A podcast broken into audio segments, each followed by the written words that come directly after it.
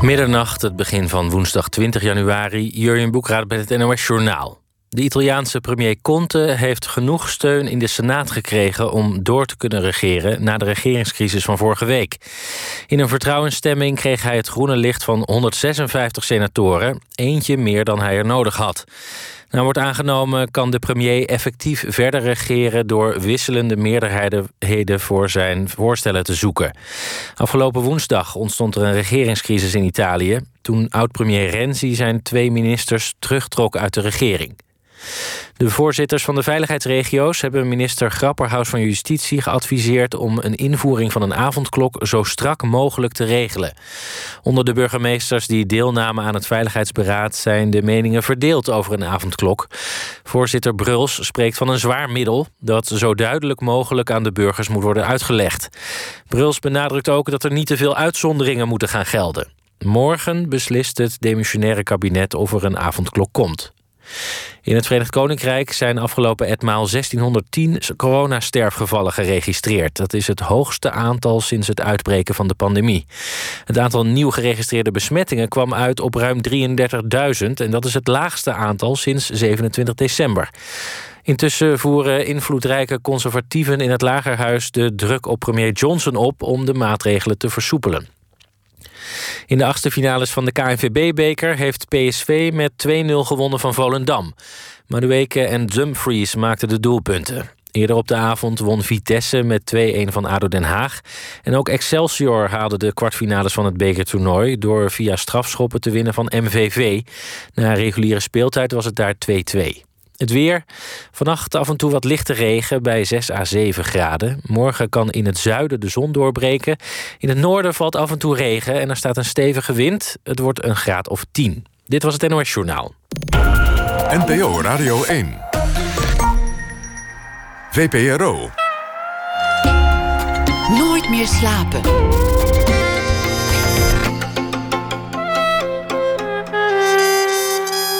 Met Pieter van der Wielen.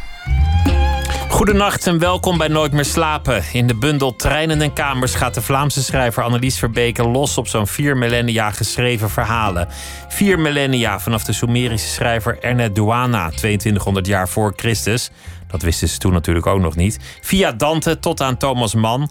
Maar wacht, het wordt geen uh, literair-historische beschouwing. De verhalen dienen enkel als inspiratie voor haar eigen, eigen tijdse vertellingen. Ergens sloopt de lockdown de bundel in. Ergens dook de vraag op: wat is eigenlijk fictie en wat is werkelijkheid en wie zal ooit het verschil weten? En de vraag dook op of het wel goed is voor het geestelijk welbevinden om beroepsmatig over de grens van werkelijkheid en fantasie te gaan. Kortom, is het wel geestelijk gezond om schrijver te zijn. Annelies Verbeke zit tegenover mij. Zij oogste prijzen, lof en complimenten voor haar laatste roman 30 dagen. En haar debuut Slaap, alweer een paar jaar daarvoor, werd ook al zo goed ontvangen. Verder schrijft ze ook scenario's voor film en theater. En korte verhalen maakt ze. Ze werd geboren in 1976 in Dendermonde of in de buurt daarvan. En inmiddels woont ze al vele jaren in Gent. Annelies, welkom. Wat leuk dat je er bent. Hallo, dag Pieter. hoe is dat eigenlijk gegaan? Want, want jullie hebben al een avondklok. Wij krijgen er waarschijnlijk een. Kon, kon je met, met veel gemak hier naartoe komen? Hoe, hoe los je het allemaal oh, op? Ik, uh, ik ben in bezit van alle mogelijke attesten en papieren uh, om dat toe te laten, hoop ik. Want het blijft toch een beetje spannend als ik straks terug ga. Maar volgens mij ben ik nu helemaal uh, safe. Ik ben ook getest. Ik ben negatief getest op corona gisteren. en dat geldt nog vandaag. Nou, dan, dan, dan zullen ze je wel weer teruglaten, toch? Ja, dat hoop ik toch, ja. Nou ja, het komt, komt allemaal uiteindelijk ook wel weer, uh, wel weer goed natuurlijk. Ergens, ergens aan het begin van de bundel, dan, dan duikt de vraag op via een van jouw personages. Moet ik nog wel schrijver zijn? Waarom doe ik dit? Wat is dit eigenlijk voor bestaan? Waar heb ik voor gekozen? Mm -hmm. Heb je dat zelf wel eens meegemaakt? Ja, ik had wel een aantal jaren zo'n diep, een algemene malaise, een beetje ook wel een grote vermoeidheid. Um, en ook het schrijverschap begon ik zelfs uh, in vraag te stellen. Um, niet helemaal ernstig, denk ik. Want ik merkte ook als ik daar iets over, tegen uh, andere mensen over zei, dat, dat, ook, dat niemand dat serieus kon, kon nemen. Wat ik ook vreemd vond, dat, dat mijn uh, rol als schrijver en mijn persoon ook door niemand leek het nog van elkaar kon gedacht worden. Mensen dachten, je bent schrijver, wat zit je nou te zeuren? Je zult altijd schrijver zijn. Ja, ja dat uh, wordt toch als een onderdeel van mijn identiteit gezien. En, en niet eigenlijk... een beroepskeuzetest of zoiets. Ja, maar eigenlijk zie ik het zelf ook wel zo. Moest ik dan uh, na het schrijven van, van deze bundel uh, toch besluiten. wat, wat was de last? Waar zat de twijfel? Um, ik vind schrijven iets heel dubbels. Uh, wat er een voorrecht aan is, is dat je je tijd uh, denkend over wat je belangrijk vindt kunt doorbrengen. En uh, um, ja, ik voel mijzelf ook altijd een geleider voor verhalen die al ergens bestaan. En die magische kant, daar hou ik ook wel echt van. En, maar het is ook wel altijd opnieuw beginnen en het is nooit klaar. En het uh, is ook altijd zo intens en zo, ja, zo, zo oplettend en zo. Uh, ja, je kunt, je kunt ook nooit eens even geen schrijver zijn. Misschien, misschien is het dat. Uh... Het is niet iets dat je binnen gezette uren kan doen of wat je kan uitzetten. Je bent volledig schrijver of ja, geen schrijver? Ik ben uiteraard niet voortdurend aan het schrijven, maar er is wel altijd een deel van mij uh, bezig met wat kan ik gebruiken. Um, of waar moet ik extra goed opletten nu? Of uh, um, bij de dingen die rondom mij gebeuren. En, uh, dus ja, ik denk dat ik op die manier wel altijd er toch mee bezig ben. En, uh, Ook in je eigen leven zoek je uh mhm. -huh. inspiratie of ben je bezig, hier zit een verhaal in of als ik dit zo verdraai, kan dat gebeuren? Ja, of ik probeer toch uh, dingen die gezegd worden of, of uh, ja, allerlei zaken eigenlijk probeer ik toch te onthouden. En, uh, en, en daarnaast gebeurt er ook heel veel terwijl ik aan het schrijven ben. Dan lijkt het ja, alsof hele verhalen soms al lijken te bestaan en dat ik dan de juiste geleider moet zijn en het goed moet neerschrijven. Dan, dan, wandel je de hele dag over de grens tussen werkelijkheid en fictie. Op een dag weet je niet meer wat nou waar is en wat nou fantasie is. Mm Ik vraag me eigenlijk af of mensen überhaupt nog wel weten wat waar en fantasie is. Want de waarheid is natuurlijk ook een fictie, maar dat is misschien een beetje filosofisch voor, voor het nachtelijk uur. Ja, nee, maar ik denk dat er de vraag. Uh, wat, wat is de werkelijkheid en, en wie bepaalt dat? Dat die vraag wel door mijn hele oeuvre doorschemert. Dat is ook wel iets wat mij bezighoudt. En de laatste jaren heb ik uh, steeds meer ingezien hoe machtsverhoudingen daar ook een rol in spelen. Over welk, bij welk verhaal de bovenhand krijgt. En. Um, wie gek verklaard wordt en, en dergelijke. Dus en... de werkelijkheid is voor een deel, of de waarheid, een resultaat van macht. Degene die de macht heeft bepaalt wat waar is. Ja, dat, uh, dat is natuurlijk niet het enige, denk ik. Wat, we hebben ook wel een consensus over, uh, over de, de werkelijkheid en de waarheid. Uh, minder en minder lijkt wel als je QAnon-aanhangers het kapitool ziet bestormen en daar iemand die dan aan het schreeuwen is: They drink the blood of babies. Dan denk je: wauw, de werkelijkheden zijn wel echt heel anders aan het worden van elkaar toch. En, uh, en heel vreemd toch. Uh. Onze werkelijkheden groeien uit elkaar. Ja, ik denk dat wel. En, en ik denk dat, uh, het is een dooddoener al bijna, maar ik denk dat sociale media daar ook wel veel mee te maken hebben. Hoe zij ons sturen en ieder ook letterlijk een, een individuele waarheid tot zich krijgt. Dus dat zijn... dat zijn dingen die nu spelen, maar aan de andere kant ehm, ja, ik denk ook dat om, om kolonialisme te verantwoorden, uh, moet je ook een verhaal bedenken waarom dat je zoiets kunt maken. En als dat verhaal dan uh, helemaal uit de hand loopt en dat wordt één groot bloedbad waarbij eigenlijk een volledig continent wordt uitgemoord. Um, dan moet je dat achteraf toch nog op een of andere manier trachten te verkopen of bepaalde aspecten daarvan trachten te verbergen. En uh, dat vind ik dan toch ook wel heel. Uh, ja, angstaanjagend eigenlijk. Dat de, de geschiedenis en, en de waarheden voor een groot deel ook uh, zijn geschreven door, door toch mensen die zich heel bloeddorstig hebben gedragen, in feite. En heel. Die bepaalde uh, heel lang het discours. op zijn minst, ja. ja. Je, hebt, je hebt een mooi verhaal geschreven in je boek over een, een leerling die, die besluit dat het schrijverschap misschien wel iets uh, voor haar is. En die uiteindelijk bij de geschiedenisleraar dan een soort essay inlevert over dat kolonialisme. Mm -hmm. En een zes krijgt en in een soort discussie belandt -hmm. met die geschiedenisleraar die meer het traditionele beeld vertegenwoordigt. -hmm. Kolonialisme was heus niet alleen maar slecht. Ja, het is een verhaal uh, dat uh, geïnspireerd is door de. En, en er heel sterk mee samenhangt ook met uh, Bartolomé de las Casas, zijn geschriften. en ja, hij was bij uh, een van de eerste lichtingen van um, missionarissen die naar Spanje werden gestuurd. En wat die man daar zag, uh, naar, naar, uh, naar de nieuwe wereld werden gestuurd, naar Zuid-Amerika. En um, wat hij daar zag, vond hij zo verschrikkelijk dat hij dat ja, in, in verschillende pamfletten heeft aangeklaagd. En ja, het is soms voor ons ook goed om te weten, denk ik, dat er daar toen ook polemiek over was. Er waren toen ook ook uh, in Spanje heel heftige tegenstanders van het kolonialisme, die uh, de aangeklaagde misdaden uh, absoluut niet verdedigden.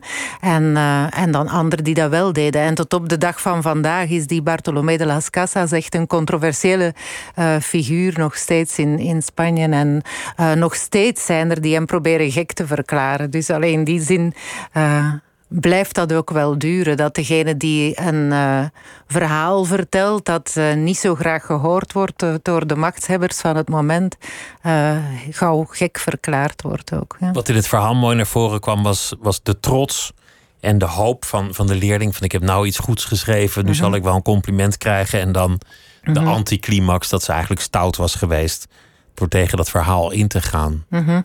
maar, maar als je het hebt tussen wer over werkelijkheid en, en fictie kan het ook onschuldige vormen aannemen. Iemand die zegt, weet je nog, die vakantie, dat was toch zo leuk. En dat je denkt, dat was helemaal niet leuk, hoe kom je daar nou bij? De zon scheen elke dag. En dat je denkt, volgens mij niet, volgens mij was het regen en storm. En dan is het toch al fictie geworden. Ja. Het verleden is fictie, de toekomst is ook fictie. -hmm. Dat is ook verlangen. Ja, en we leven natuurlijk allemaal tot op zekere hoogte in ficties. Hè. We maken voortdurend een verhaal voor onszelf. Dat hebben we ook nodig om, om, uh, om te kunnen leven. En uh, die verhalen verschillen sowieso van elkaar. Uh, we geven allemaal een eigen invulling. En we zijn in die verhalen ook vaak de held en, en soms ook het slachtoffer van, van de gebeurtenissen. Maar we zijn bijvoorbeeld heel zelden de boosdoener zelf in onze verhalen. Dat kunnen mensen niet zo goed. Nee, nee. Dat, uh, dat is een rol die we zelden uh, aan onszelf geven in de verhalen die we van de werkelijkheid aan het maken zijn. Wanneer ging jij je fantasie serieus nemen? Is, is er een moment aan te wijzen in je bestaan dat, dat die fascinatie begon? Van je hebt werkelijkheid, je hebt fictie, je hebt verwarring, maar daartussen is ook nog iets dat gewoon fantasie heet en dat je gewoon kan gebruiken. Ja, maar uh, uiteraard, fantasie bestaat, maar, maar dat is ook niet het enige wat van tel is bij het schrijven, lijkt mij. Want um, voor mij gaat schrijven toch om aansluiting te vinden bij um, wat ik dan maar een uh, onderstroom van het leven zal, zal noemen. Iets waar we. Um, ja, ook waar we noties van hebben, maar uh, vaak ook niet te diep op in kunnen gaan, omdat we ook een leven moeten leiden en dergelijke. En, um, Dingen waar we niet echt bij kunnen komen. -hmm, ja, en die ook te maken hebben met het onderbewustzijn, zeker, maar die volgens mij, en dat, dat, die indruk kreeg ik bij treinen en kamers en het lezen van al die klassiekers toch heel sterk. Uh, die ons ook verbindt met een heel ver verleden. En, uh, en ja, ik vind bijvoorbeeld ook, ook boeiend om uh, te ontdekken dat bepaalde beelden in dromen. dus die in ons onderbewustzijn zitten, ook duizenden jaren geleden al voorkwamen. Op heel andere plekken op de wereld voorkomen. En ja, dat vind ik toch wel bijzonder. Er is, uh, er is ergens een onderlaag uh, waar we soms in ons dromen dan, denk ik, bij kunnen komen. Um, en waar we in het dagelijks leven ook uh, ja, soms misschien alleen een gevoel rondkrijgen of zo. Wat is dat, die onderlaag? Wat, wat, wat, kan je in de buurt komen van dat beschrijven? Maar het is zodanig mysterieus en het is ook helemaal niet uh, wetenschappelijk te verklaren, of zo zeker niet door mij. Maar uh, ik denk dat, dat kunstenaars in het algemeen daar wel mee bezig zijn. Met het zoeken naar, naar de juiste beelden, woorden, uh, muziek ook voor muzikanten die aansluiting zoekt daarbij. En eigenlijk is schrijven een beetje een aparte uh, discipline daarbinnen, omdat, uh, omdat het dan wel al toch benoemd is. Het is, uh, het is. Omdat je wel de taal gebruikt. Ja, je gebruikt de taal, dus je zet het ergens wel vast. terwijl ja, muziek of beeld dan, dan ja, juist nog in dat onbenoembare kan vertoeven. Maar ik vind het wel ja, dan ook belangrijk aan die taal dat die um, muzikaal en ritmisch is. Uh, zodat je toch, ik toch het gevoel heb dat ik daar uh, een of ander uh, ja, ritueel mee verricht of zo. Of, of een of andere ja, mysterieuze ader mee aanboor. Ja. Ergens te komen waar je in het dagelijks leven niet echt komt, al heb je een weet dat het er misschien wel mhm, is. Ja. Dingen die gewantrouwd worden ook. Je hebt de ratio, die, die staat dan hoog in aanzien, die zit op een troon. Daaronder het gevoel, dat moet je al een beetje temperen. De onderbuik, slecht, slecht, slecht, mag niet. Hm. En daaronder zit dan intuïtie, moet je hm. ook wantrouwen. En wat jij benoemt is waarschijnlijk weer een laag nog verder naar beneden. Ja, en dat, Ah ja, ik denk dat astrofysici daar ook mee bezig zijn. Hè? Maar dan natuurlijk uh, van, vanuit een andere uh, ja, kennis en zo, die zij daar ook in, in meebrengen. Maar er is ook gewoon heel veel mysterie nog steeds. Dat moeten we soms, denk ik, wel, uh, wel onthouden. Ook als mensen, dat we nog helemaal niet alles weten over het heelal of, of over. ja, Um, of over de natuur, zo zelfs nog niet elke soort of hebben over ontdekt. Onszelf. We weten of over onszelf, over ons eigen zeker, ja. ja. Je, bent, je bent te raden gegaan toen je, toen je worstelde met dat schrijverschap bij schrijvers uit vele generaties voor je. En, en Mhm. je, je hebt gelezen in hun verhalen, je verdiept in die verhalen. En dat biedt steeds ook een soort vertrekpunt. En, en een van die verhalen is al van het jaar 2200 voor Christus.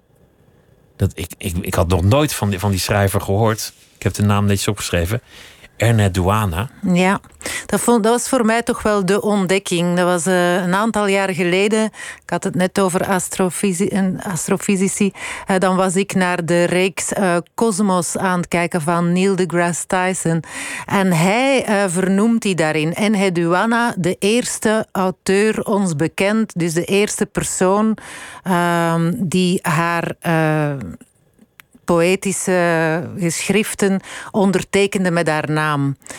Um, in het Sumerisch schreef ze op uh, kleitabletten en op zuilen. Um, en die Wij zijn... leerden dat vroeger altijd, dat die Sumeriërs kleitabletten hadden en het schrift. Maar Mm. nooit geweten wat ze schreven. Ik dacht dat dat alleen maar boekhouding was. ja, ik, ja, ik heb ook het gevoel dat er zo heel veel boekhouding werd gedaan vroeger en weinig uh, poëzie overbleef. Maar zij bleef dus over. Ze is, uh, in uh, 1920 zijn die opgravingen gebeurd en is daar van alles teruggevonden. En het blijft mij verbazen dat zij zo weinig bekend is bij ons. toen ik in die Cosmos-reeks over haar had gehoord, ben ik wel dingen gaan opzoeken. En ik heb toen ook een boek besteld bij de Universiteit van Texas, waar dan ook die gedichten vertaald stonden in het Engels en uh, waardoor ik die kon lezen. En ja, ik, vond ik vind het zo een ongelooflijke geschiedenis ook er rond. Want zij is eigenlijk 500 jaar lang heeft zij haar stempel gedrukt op de cultuur van Mesopotamië. Um, zij heeft uh, eigenhandig de godin Inanna, die zij enorm vereerde, heeft zij boven de andere goden uitgetild. Uh, dus echt een soort van monotheïsme bijna op haar eindje gesticht. Um, en uh, zij, was, zij was enorm populair en zij was ook enorm vrij in die, in die gedichten, hoe zij schrijft. Um, ook uh, enorm bewust van haar eigen seksualiteit en, en die vierend. Uh, en, um, Want ze schrijft ook over haar eigen geslacht. Ja, ze heeft ook ergens op een zuil is een, een klein gedichtje over haar, uh, over haar vagina teruggevonden. Uh, zeer uh, ja, lieftallig en, en vererend. maar meestal schreef ze over de godin Inanna. En dat is ook interessant, omdat die godin. Um, staat eigenlijk voor alle tegenstrijdigheden. Zij is ook bekend als Ishtar. Um, en zij staat voor de tegenstrijdigheden die naast elkaar kunnen moeten bestaan. Wat ik, wat ik ook heel bijzonder vind, omdat uh, eigenlijk de, de meeste. Uh, godsdiensten of ideologieën naar een utopie gaan. Van uh, ja, dat is het goede. Terwijl uh, in Inanna staat voor en in verheerlijkte dat, dat uh, ja, de tegenstrijdigheden, goed en kwaad enzovoort, allemaal naast elkaar moeten kunnen bestaan. In één opperwezen kan je dat allemaal vinden. Ja. Die, die dan bijna menselijk is geworden als die goed en kwaad ja, in zich verenigt. En, en dat is wel belangrijk, dat die steeds menselijker wordt, die Inanna, in haar gedichten. Want zij zelf uh, vereenzelvigt zich daar steeds meer mee. En dat laatste gedicht, uh, waar ik ook een, een uh, ja, dat vooral als inspiratiebron voor mijn verhaal heeft gediend. Um, daarin praat ze eigenlijk voor, volledig over zichzelf. Uh, zij is op een gegeven moment. Zij, zij, is de God geworden op dat moment. Niet de God geworden, daar, daar praat ze vooral over uh, het moment waarop zij uh, door een man, Ligulan, uit haar tempel verdreven wordt. En dat is ja, zeer aangrijpend, vind ik, omdat die man ook haar gedichten belachelijk maakt.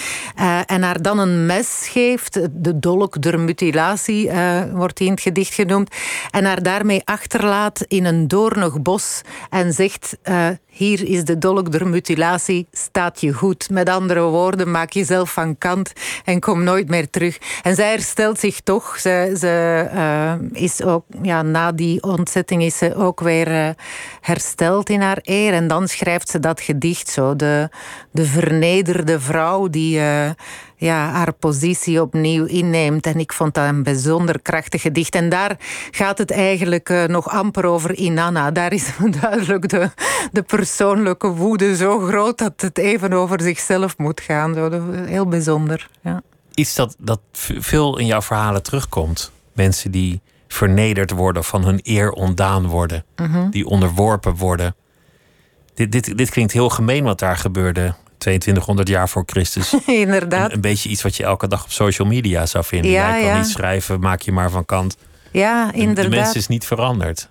Ja, dat is toch wel, denk ik, wat mij zo frappeerde. Klassieker na klassieker. Uh, overal die honderden en duizenden jaren heen. Zo, dat, dat ik zoveel dingen vond waarvan ik dacht: wauw, dit komt zo dichtbij. Of dit ken ik zo goed uh, van wat ik zie om mij heen vandaag.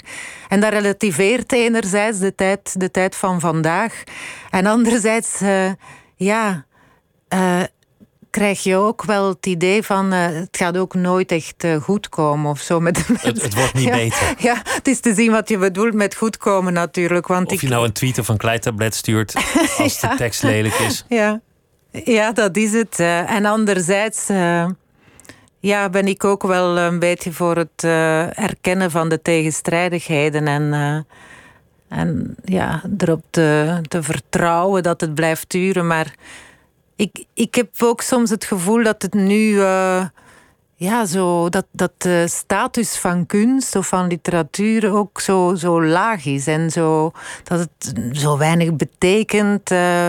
maar daarom was ook dat, dat verbinden met die klassiekers wel belangrijk voor mij. Om zo te zien van kijk, dit is al duizenden jaren aan de gang.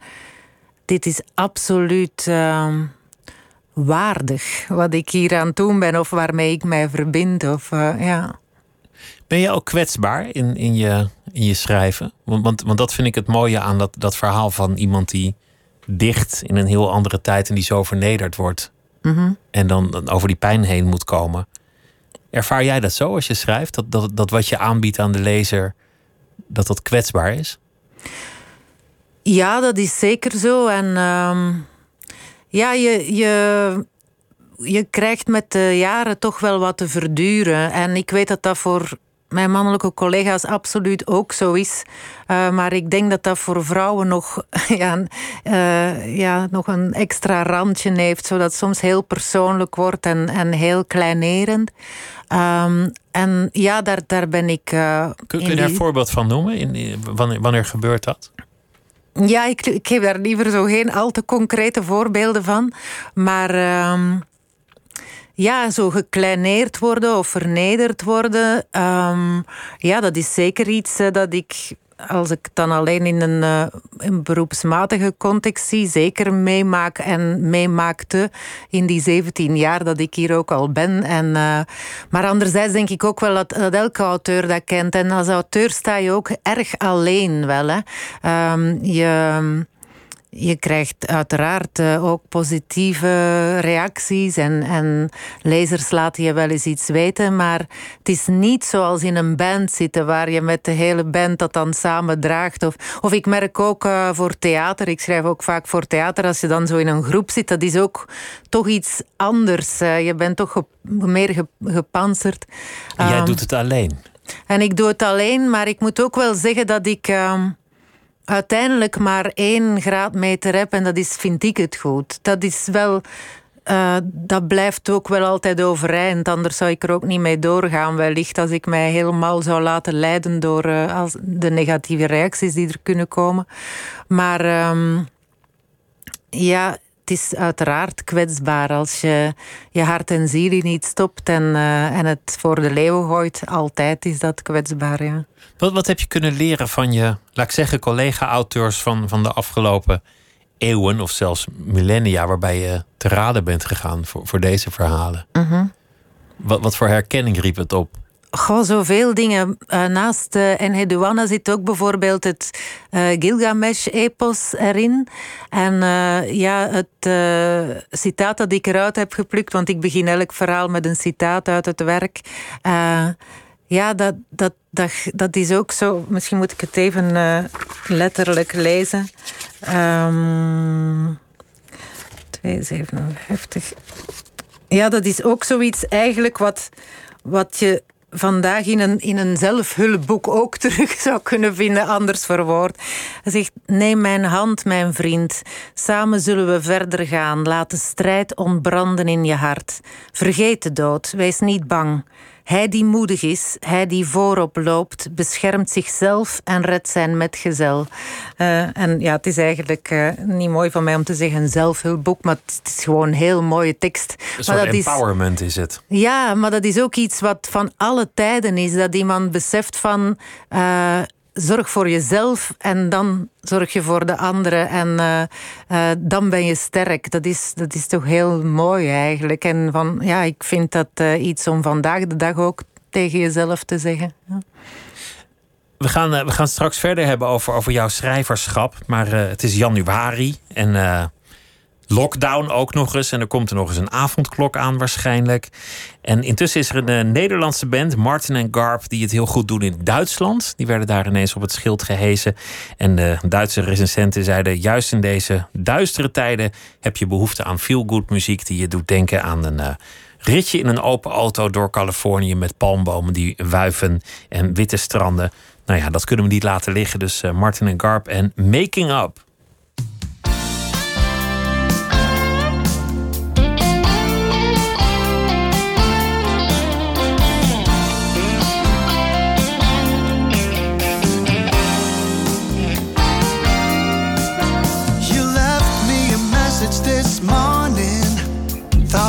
You felt you couldn't say. Now I realize I haven't been listening, that my pride just get in the way. I've been wandering these streets for hours, like I've got no other place to go. I just got to get back with you, darling.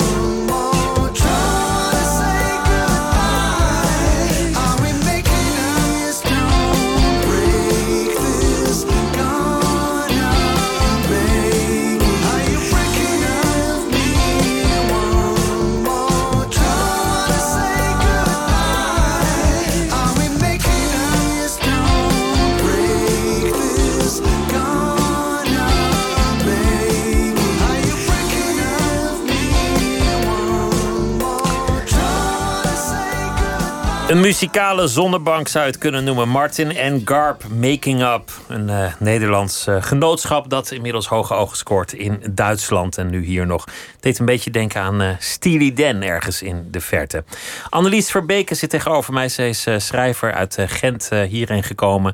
Treinen en Kamers heet haar nieuwe verhalenbundel. En we hebben het gehad tot nu toe over haar gang door de literatuurgeschiedenis omdat ze begon met twijfel. Waarom schrijf ik eigenlijk? Wat is het eigenlijk om schrijver te zijn?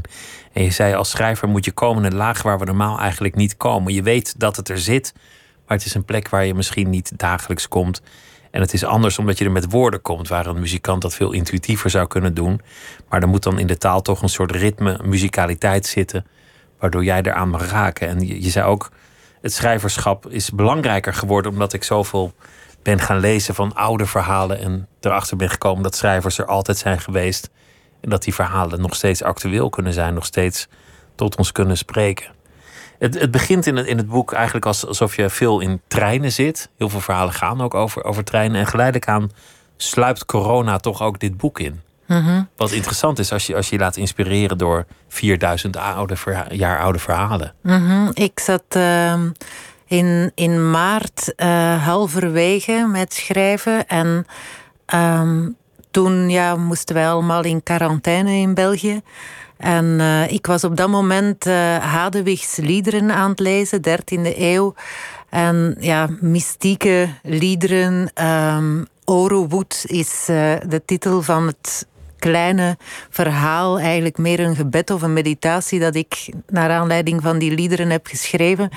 En uh, Orewood betekent een eenwording met het al, zou je kunnen zeggen. In haar geval, ja, eenwording met, met God. Um, en uh, ja, dat was uh, voor mij toch wat ik, wat ik ergens uh, ervoer van ja, we zijn allemaal in hetzelfde schuitje, zeg, de hele wereld. En het is ook het enige verhaal in de bundel dat een wij eh, heeft als, als vertelperspectief. Um, maar tegelijk voel je dat dat ook een breekpunt is, omdat uh, dat wij weer uit elkaar gaat vallen, sowieso. Uh, dat moment van eenheid dat ja. in het voorjaar was, ja. of leek te zijn, samenklappen mm -hmm. voor de mhm. zorg.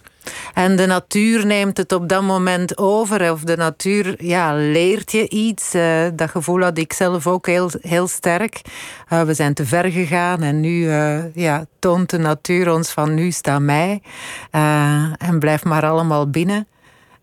maar tegelijk ja, voel je al van, maar we gaan niet zoveel leren. We voelen nu wat we moeten leren. Uh, en dan gaan we het weer vergeten en dan gaan we ook weer helemaal geen eenheid hebben. En dan gaan de verschillen uh, zelfs uitvergroot worden door corona. Uh, ik vond dat dat, ja, dat dat allemaal in één moment voelbaar was, zo die eerste dagen in quarantaine. En ik was ook toen wel, denk ik in een bepaalde sfeer gebracht door ja, dat meditatieve van uh, de liederen van Hadewig. Als je die allemaal achter elkaar leest, dat is echt, uh, ja, dat gaat voortdurend over de minne. En ja, zij heeft echt iets van een godsdienstfanaticus ook, vind ik. Maar tegelijk ook toch heel mooi. Zo, zij is ook zo'n eenzame figuur. Zij werd voortdurend vervolgd en, en was eigenlijk voortdurend in gevaar, maar hield zo vast aan haar idee van, van godsbeleving, zou je kunnen zeggen. En uh, ja. Dat paste in die sfeer waar jij in zat. Ja, alles komt bij elkaar. Ja, dat meditatieve ervan. Ja. En ook de aandacht voor de natuur. Ja. Een aantal verhalen gaan ook over psychiatrie, onder meer over hypersensitiviteit. Een, een verhaal heb je geloof ik ook in opdracht geschreven voor mm -hmm. een, een bundel voor, voor psychiaters? Of waar was het precies? Nee, het is uh, het eerste verhaal, Deserteren, is een verkorte versie van een novelle die ik heb geschreven voor uh, een organisatie die heet Te Gek. En Te Gek brengt elk jaar een uh, thema uit de psychiatrie ja, diept dat uit en laat een schrijver daarover schrijven. Soms maken ze ook een, uh, een cd met allemaal uh, muziek over, over uh, dat thema dan. Um, en uh, ja, dus het moest wel. Het gaat elk jaar over een ander thema. En mijn thema dat ik opgegeven kreeg was uh, hooggevoeligheid, hoogsensitiviteit. Ja. Is dat iets waar je jezelf op hebt betrapt?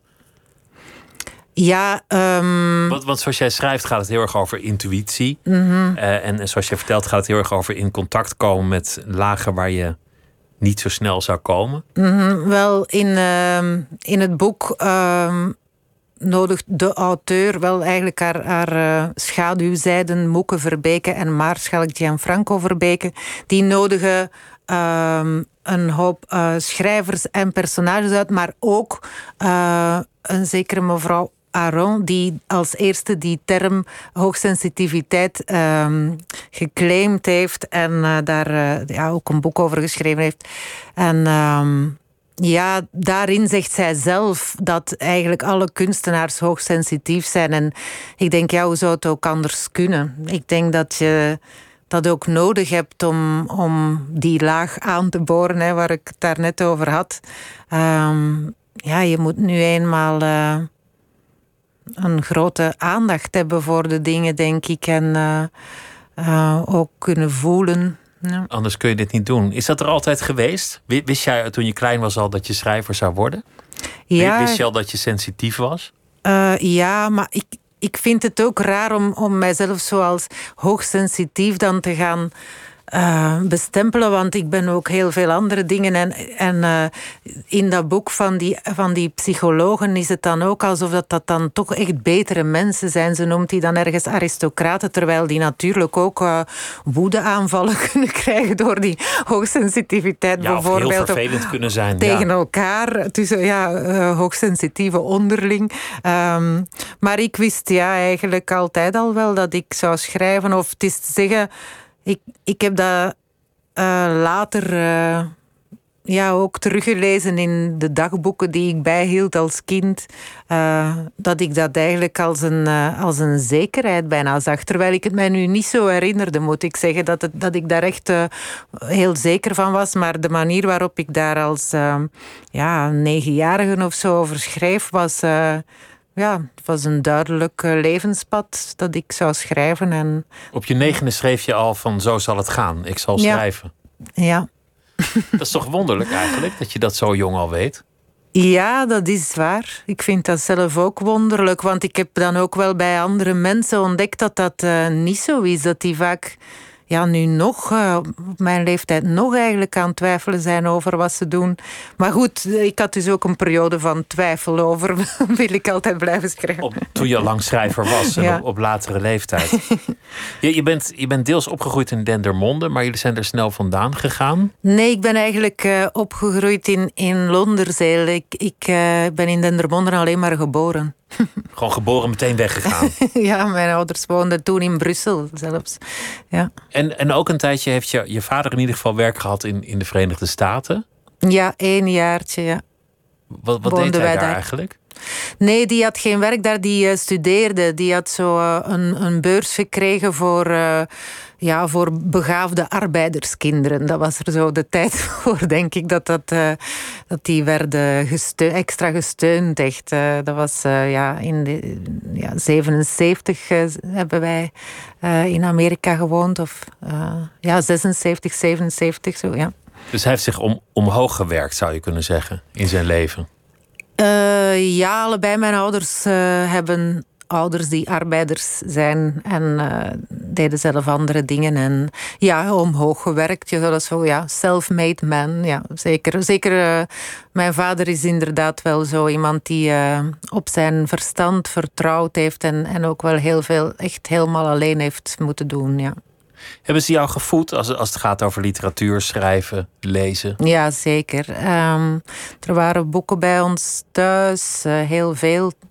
En um, allebei mijn ouders lezen wel graag. Um, niet zo heel veel zoals ik, maar, maar lezen graag. En ik kon ook, uh, omdat dat duidelijk ja, van, van jongs af een interesse was, bij mij werd dat ook wel uh, echt gesteund. Ik, ik mocht eigenlijk alle boeken kopen die ik, die ik wilde. En, uh, en ik ging daarnaast uiteraard ook naar de bibliotheek en zo. Um, nee, dat hebben ze heel goed gedaan, vind ik. Ja. Echt gevoed, ja.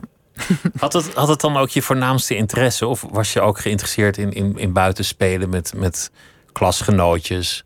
Ja, ja zeker. Ja, ik heb veel gespeeld als kind. En ik ben daar ook echt heel blij om dat ik veel gespeeld heb. En ik zie, dit, ik zie schrijven ook op een, mani op een manier. nog, ja, ik, ik, ik, uh, ik wil dat speelse aspect ervan ook echt behouden. Um, Maar uh, ja, en ik ben daar vaak echt bezorgd over uh, als ik kinderen van nu zoveel op hun telefoonscherm zie kijken. Ik denk dat het spelen en zelf dingen verzinnen en, en um, nieuwe werelden inrichten vanuit je hoofd, um, dat is iets anders. Dan ben je echt andere dingen aan het doen met je hersenen. En um, ik ik ben daar soms bang voor dat dat zo uh, verdwijnt of, of op de achtergrond geraakt. Maar uh, misschien ben ik daarin te pessimistisch. Um, en uh, ja, ik, ik speel nog steeds en ik, ik doe dat dan ja, ofwel in een boek ofwel laat ik op het theater acteurs spelen. In veel van jouw werk is de samenleving hard, zijn mensen voor elkaar hard. Mm -hmm. Onverbiddelijk, meedogenloos dat doet mij ook denken aan, aan de cultuur van het schoolplein. Waar, waar kinderen elkaar ongeremd gewoon in de brandnetels flikkeren. Mhm. Twee keer, drie keer als het moet. Uh, ja. Waar, waar, is dat bij jou eigenlijk ontstaan dat, dat je fascinatie hebt voor de, voor de, de wreedheid van, van de mensen? Ja, ik denk dat het er wel allebei in zit hoor. Vreedheid en tederheid in, in mijn werk. Uh, maar ik, ik vind uh, ja, hoe mensen zich tegenover elkaar gedragen ook heel vaak vreed. En um, er is een systeem van straf voor vreedheid. Er zitten mensen in gevangenissen. Maar er is ook heel veel getolereerde vreedheid. Of, of vreedheid die eigenlijk niet bestraft wordt. En uh, ja, dat, dat is nu eenmaal zo. dus ik schrijf daarover. Dat is wat ik zie, dus dat is wat ik toon. Ja. Ik zal niet zeggen welk boek om, om, om het verwijt van spoilers tegen te gaan, maar in, in een van je meer succesvolle romans bouw je een, een held op voor de lezer. Om hem vervolgens door de menigte tot moes te laten slaan. Mm ja. dan, dan, dan neem je eigenlijk je lezer mee in die gemeenheid van, van het lot. Mm ja, dat ook niet noodzakelijk zo moet aflopen, denk ik. Maar toen wilde ik vooral zeggen dat, kijk, um, als je goede intenties hebt en je eigenlijk uh, ja, heel goed uh, gedraagt en, en gewoon een goede inborst hebt, uh, zeker op dat moment van je leven, dat, dat vrijwaart je ook niet van die vrij, vrijheid. Spijtig genoeg, hè? Dat is. Dat het helpt niet om, om goed te zijn. Wel het is te zien wat je bedoelt met help, maar het beschermt je niet. Um, het beschermt je niet tegen vreedheid, helaas. En dat is heel onrechtvaardig. En dat is wat, wat Job uh, in de Bijbel uh, zit zichzelf voor te beklagen van... ja, ik heb toch niks verkeerd gedaan. Ik heb alles goed gedaan en waarom ik? En um, ja, dat, dat, dat is... Uh, op zich een heel vreed gegeven dat, ja, dat dat je niet uh, daarvoor behoedt. In veel verhalen gaat het er juist om, om, om een soort moraal terug te geven, of een soort troost te bieden, om te zeggen: uiteindelijk zal het goed komen. Uiteindelijk zal er straf zijn voor de slechte en beloning voor de goede. Uiteindelijk zal er iemand oordelen. In het universum dat jij vaak schetst, is dat, is dat niet zo? Nee. nee Helemaal niet zelfs. Nee, dat, dat klopt. Maar Um, ja, ik, ik las wel eerder iets over mezelf in een recensie en dat vond ik wel treffend gezegd dat het uh, ja, een mengeling is van meedogenloosheid en mededogen. En dat, dat denk ik ook wel. Het, ik, Allebei zit erin, ook de zachtheid. Ook ja, de dat vind ik toch wel. Uh, ik, ik erken ook absoluut het bestaan van liefde en tederheid en goedheid en uh, vriendschap en uh, dat bestaat allemaal absoluut. Daar geloof ik ook in. Um, ik denk, ik geloof niet in een, in een wereld waar iedereen in in C slecht is en het slechtste wil van elkaar en alleen maar macht wilt en alleen dat nee zo zie ik ook de wereld niet dus dus um, ja, het is toch echt een, een mengeling. De tegenstrijdigheden weer van uh, de godin Inanna die uh, naast elkaar bestaan. Ja die, die uiteindelijk een god schetst die steeds menselijker wordt om uiteindelijk bij zichzelf uit te komen, zoals je, mhm. zoals je eerder zei. Heb je, heb je zelf eens de verleiding gehad om religieus te worden of, of om een soort god te verzinnen of, of desnoods je eigen god te verzinnen? Wel, uh, ja, ik, ik, ben, ik heb als kind, uh, hoewel ik geen uh, religieuze ouders heb, zelfs ouders die zich erg verzet hebben tegen het geloof waarmee ze ja, opgegroeid zijn in hun tijd. Um, uh, ja, ben ik wel religieus geweest als kind. Ja, ik ging ook op mijn eentje naar de kerk. Zonder je ouders? Zonder mijn ouders toen ik zes was al zelfs. Uh, ik woonde ook in een klein dorp, dus dat was nu ook niet uh, de hele was niet stad. gevaarlijk of zo? Nee, nee, nee en dat was ook het pre-Dutroux-tijdperk in België. Dan kon je als kind nog echt wel ergens alleen naartoe wandelen. Um, maar wat, wat wonderlijk. Meestal is het andersom dat kinderen hun... hun worden meegesleept naar de kerk. Ja.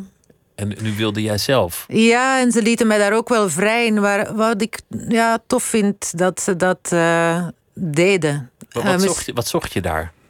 Ja, ik vond ook wel de verhalen uit de Bijbel um, wel heel bijzonder en heel anders dan alles wat ik kende uh, van kinderliteratuur of zo, die dan toch veel lieflijker is. Ik vond eigenlijk vaak Bijbelverhalen ontzettend onrechtvaardig. Zo. Zoals, zoals Job, wat je net vertelde. Ja, of dan krijgt daar iemand talenten en dan, dan uh, wordt hem verweten dat hij daar niks mee heeft gedaan. En dan denk ik van ja, die, die persoon is toch totaal over, overvallen eigenlijk. Die, ja, die krijgt hier iets onduidelijks en die moet daar dan uh, blijkbaar iets mee doen. En ja, die had dat gewoon opzij gelegd. En, al ja, zo'n zo verhalen ik vond, of een brandende braamstruik, dat is zoiets, ja, dat komt in mijn dagelijks leven niet meteen voor. Uh, dus ik vond dat heel intrigerende verhalen. En ik vond ook het idee Jezus uh, bijzonder interessant. En, um, en ook wel toch, ja, dat er een, een, een God boven ons staat die iedereen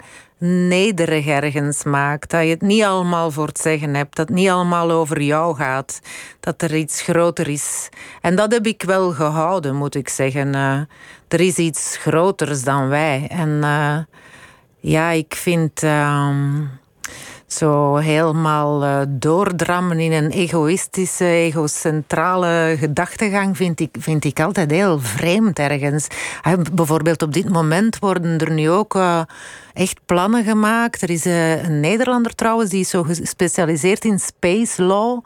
En die gaat dan de wereld rond om zo met hele rijke mensen en regeringen van Saoedi-Arabië bijvoorbeeld te praten over welke planeten dat van hen zijn. Allee, dat idee dat er ergens zo'n klein miermensje Denkt dat het hele universum van hem staat, is. Staat te wijzen naar de planeet die hij wil hebben. Ik vind dat ongelooflijk. Ik vind dat lachwekkend ook. En ik denk dat dat ook wel, ja... Maar goed, één klein virusje en iedereen is weer even goed op zijn plek gezet. Ja, voilà. Ja, zo, was, zo, machtig zijn we niet. Ja, dat was inderdaad ook een les in nederigheid. Het organisme, het meest simpele levensvormpje dat we hebben, mm nekt die hele mensheid. Ja, ja. Ja, dat, dat is het. Hè. We zijn uh, helemaal niet zo sterk. En uh, er komt ook een, uh, een, enorme klimaatcrisis op ons af. Um, en ook, ja, ook dat. Hè. dat ja, ik, ik, ik vind, uh, ik vind dat wel boeiend hoor, die, die hubris van, van mensen.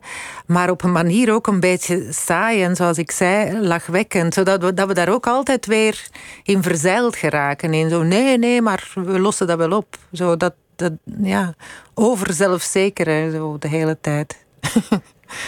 Het gaat in, in sommige verhalen ook heel erg over schuld. Mensen die het idee hebben dat ze moeten lijden om vergeving te krijgen voor hun zonde.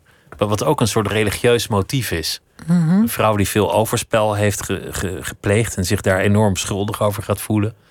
En die uiteindelijk, wanneer haar iets ergs overkomt, bijna het idee heeft dat haar vergeving wordt geboden mhm. door haar pijn. Het is ook omdat uh, dat verhaal is gebaseerd op uh, de goddelijke komedie van uh, Dante. En um, ja, daarin gaat het natuurlijk over de zuivere liefde. Zo, zo de, extreem zuivere liefde. En al de rest belandt toch vroeg of laat in de hel in feite. En uh, die vrouw gelooft ook heel sterk in de zuivere liefde en neemt zichzelf enorm kwalijk dat ze gedurende lange tijd een, eh, een affaire heeft gehad met een andere man. En ze heeft het gevoel dat, uh, dat ze dat goed moet maken, dat haar man daardoor uh, als straf ziek van geworden is. En dat uh, om hem te genezen moet zij nu uh, zoveel mogelijk mannen afstoten in haar leven. Dat is uh, het idee van het verhaal, om die zuivere liefde terug te winnen. Een heel religieus motief. Dat is zeker ja, een religieus motief, maar ja, wel ergens in het extreme getrokken dan, ja. Jouw, jouw eerste boek ging over, over slapeloosheid. Dat was een, een, een, een thema wat erin voorkwam. Het was eigenlijk ook een inspiratie voor een deel voor je, voor je schrijverschap. Dat, dat hangen op de, op de rand van slaap en, en waak. Ergens in die nacht. Ga, gaat dat ooit over? Ben, ben je ooit gaan slapen?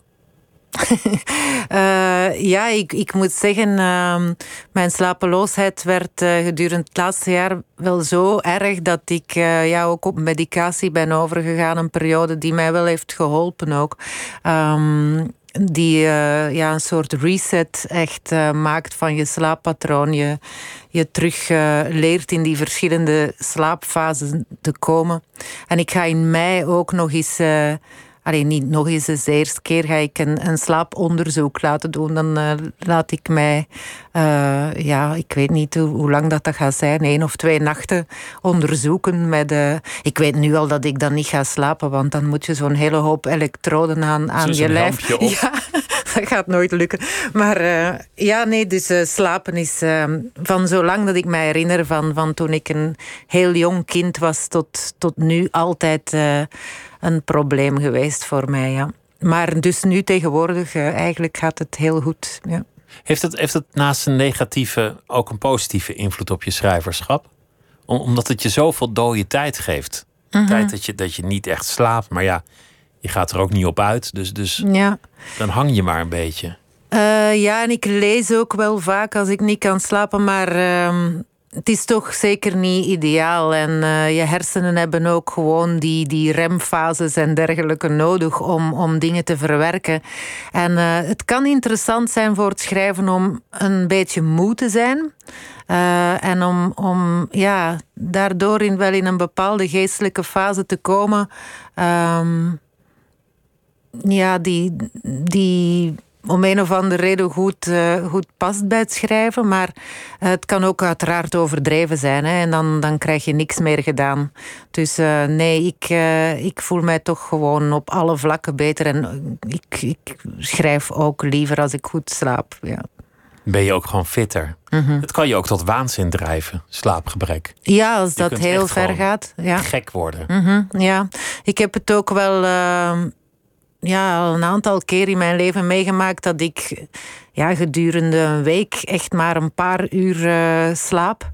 En, uh, en dan voel je dat ook, dat er een uh, andere werkelijkheidsbesef dreigt in je hoofd. dus nee, dat is, dat is absoluut ernstig te nemen. goed slapen. Ik heb het ook wel eens van zeezeilers gehoord die dan lang niet slapen om, om te kunnen blijven zeilen. Dat ze op het laatst allemaal elkaar verhalen gaan vertellen over zeemonsters en mm -hmm. 17e eeuwse zeilboten die ze hebben gezien en, en de raarste dingen. ja. Om, omdat, omdat gewoon de, de gekte het overneemt ja, ja. Door, door, dat, door dat slaapgebrek. -hmm. je, je vorige boek, daar was een ander thema in wat, wat toen ook al actueel was, maar inmiddels nog veel actueler. En, en dat is racisme. Je hebt, je hebt het boek geschreven over. Het is wat abstracter. Dat ging over, over een vreemdeling die in een gemeenschap probeert zijn plek te, te verwerven, maar uiteindelijk verstoten wordt. Dat, dat is een thema dat nu heel veel actueler is dan toen jij dat boek uitbracht. Hoe is dat thema eigenlijk bij je gekomen? Um, ja, uh, Alfons uit 30 dagen heb je het over, toch? Denk ik. Ja, Ja. die. Uh, ja, vreemdeling is zelfs een. een uh, ja, een, een groot woord voor hem, want hij, hij voelt zich eh, helemaal oké, denk ik, eh, in, in België. Maar eh, hij is van Senegalese origine en dat geldt ook voor mijn man. Dus daar kwam dat wel voornamelijk vandaan. dat door met hem samen te zijn, ondertussen al ja, meer dan tien jaar. ehm, ja, begreep ik wel plots veel meer wat dat betekent om zwart te zijn in een overwegend witte eh, gemeenschap. En ehm, ja, dat heeft mij eh, heel veel doen, doen stilstaan ook bij ehm, ja, manieren waarop ik zelf keek, manieren waarop mijn omgeving kijkt en de grotere maatschappij en eh, naar de ander dan zo gezegd. En, en tegelijk dat ja, als je die ander bent, dat natuurlijk ook eh, dat je gewoon een geest in een lichaam bent die, eh, ja, een, een leven leidt. En, uh, het heeft jou eigenlijk een andere blik gegeven. Ja, absoluut. En um, het stemgedrag van de Vlaming, maar niet alleen de Vlaming. Ja, het is in de grotere wereld wel aan de hand, denk ik, is weinig bemoedigend um, op het vlak van racisme. Um, en dat heeft mij op een gegeven moment, uh, vorig jaar heb ik echt uh, op een gegeven moment uh, last gehad van angsten daar rond ook. Van het gevoel van ja, toch omgeven te zijn door een heel vijandige wereld.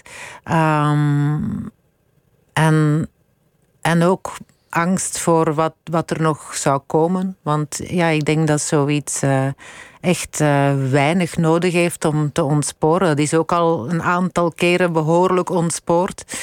Um, angry mobs uh, die huizen gaan bekogelen, vluchtelingencentra in brand steken, dat soort dingen. Daar heb je ook een toneelstuk over gemaakt met, met Wonderbaum, over, over soortgelijke thema's. Ja, dus, dus dat is eigenlijk wat je bedoelde aan het begin.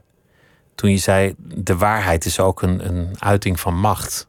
Mm -hmm. De werkelijkheid wordt ook bepaald door degene die de macht heeft om het verhaal te bepalen. Mm -hmm. Ja, en daar vallen veel dingen over te zeggen. Want al die angry mobs en ook die uh, mensen met hun uh, complottheorieën en zo, die hebben ook het gevoel dat zij in de machteloze positie worden geschoven en dat boven hun hoofd dingen worden bedisseld. En uh, ja, iedereen heeft zo wat gevoel van, van ik word niet gehoord en. ja, dat, dat is toch wel heel zorgwekkend eigenlijk. En ik denk dat er ook een gevoel is van verlies van controle. En tegelijk is er meer controle. En ja, al die tendensen samen maken mensen ook een, gek, denk ik. Uh, ja. Dat is zeker. Mensen worden langzaamaan volgens mij. Gekker en gekker, hè? Ik denk dat je gelijk hebt. Mm -hmm. Nou ja, vroeger waren ze ook al aardig gek trouwens. Ja, ja want ik moet zeggen, uh, door treinen en kamers te schrijven en al die, uh, die verschillende klassiekers te lezen, kom je er ook wel achter van. Het een en ander moeten we wel relativeren, want er waren ook tendensen tussen mensen en samenleven die er altijd al waren. Ja. Treinen en kamers, Annelies Verbeke, dank dat je langs wilde komen. Het was ja, een genoegen. bedankt. Dank je wel. En dit was Nooit meer slapen. Op Radio 1, het nieuws van alle kanten.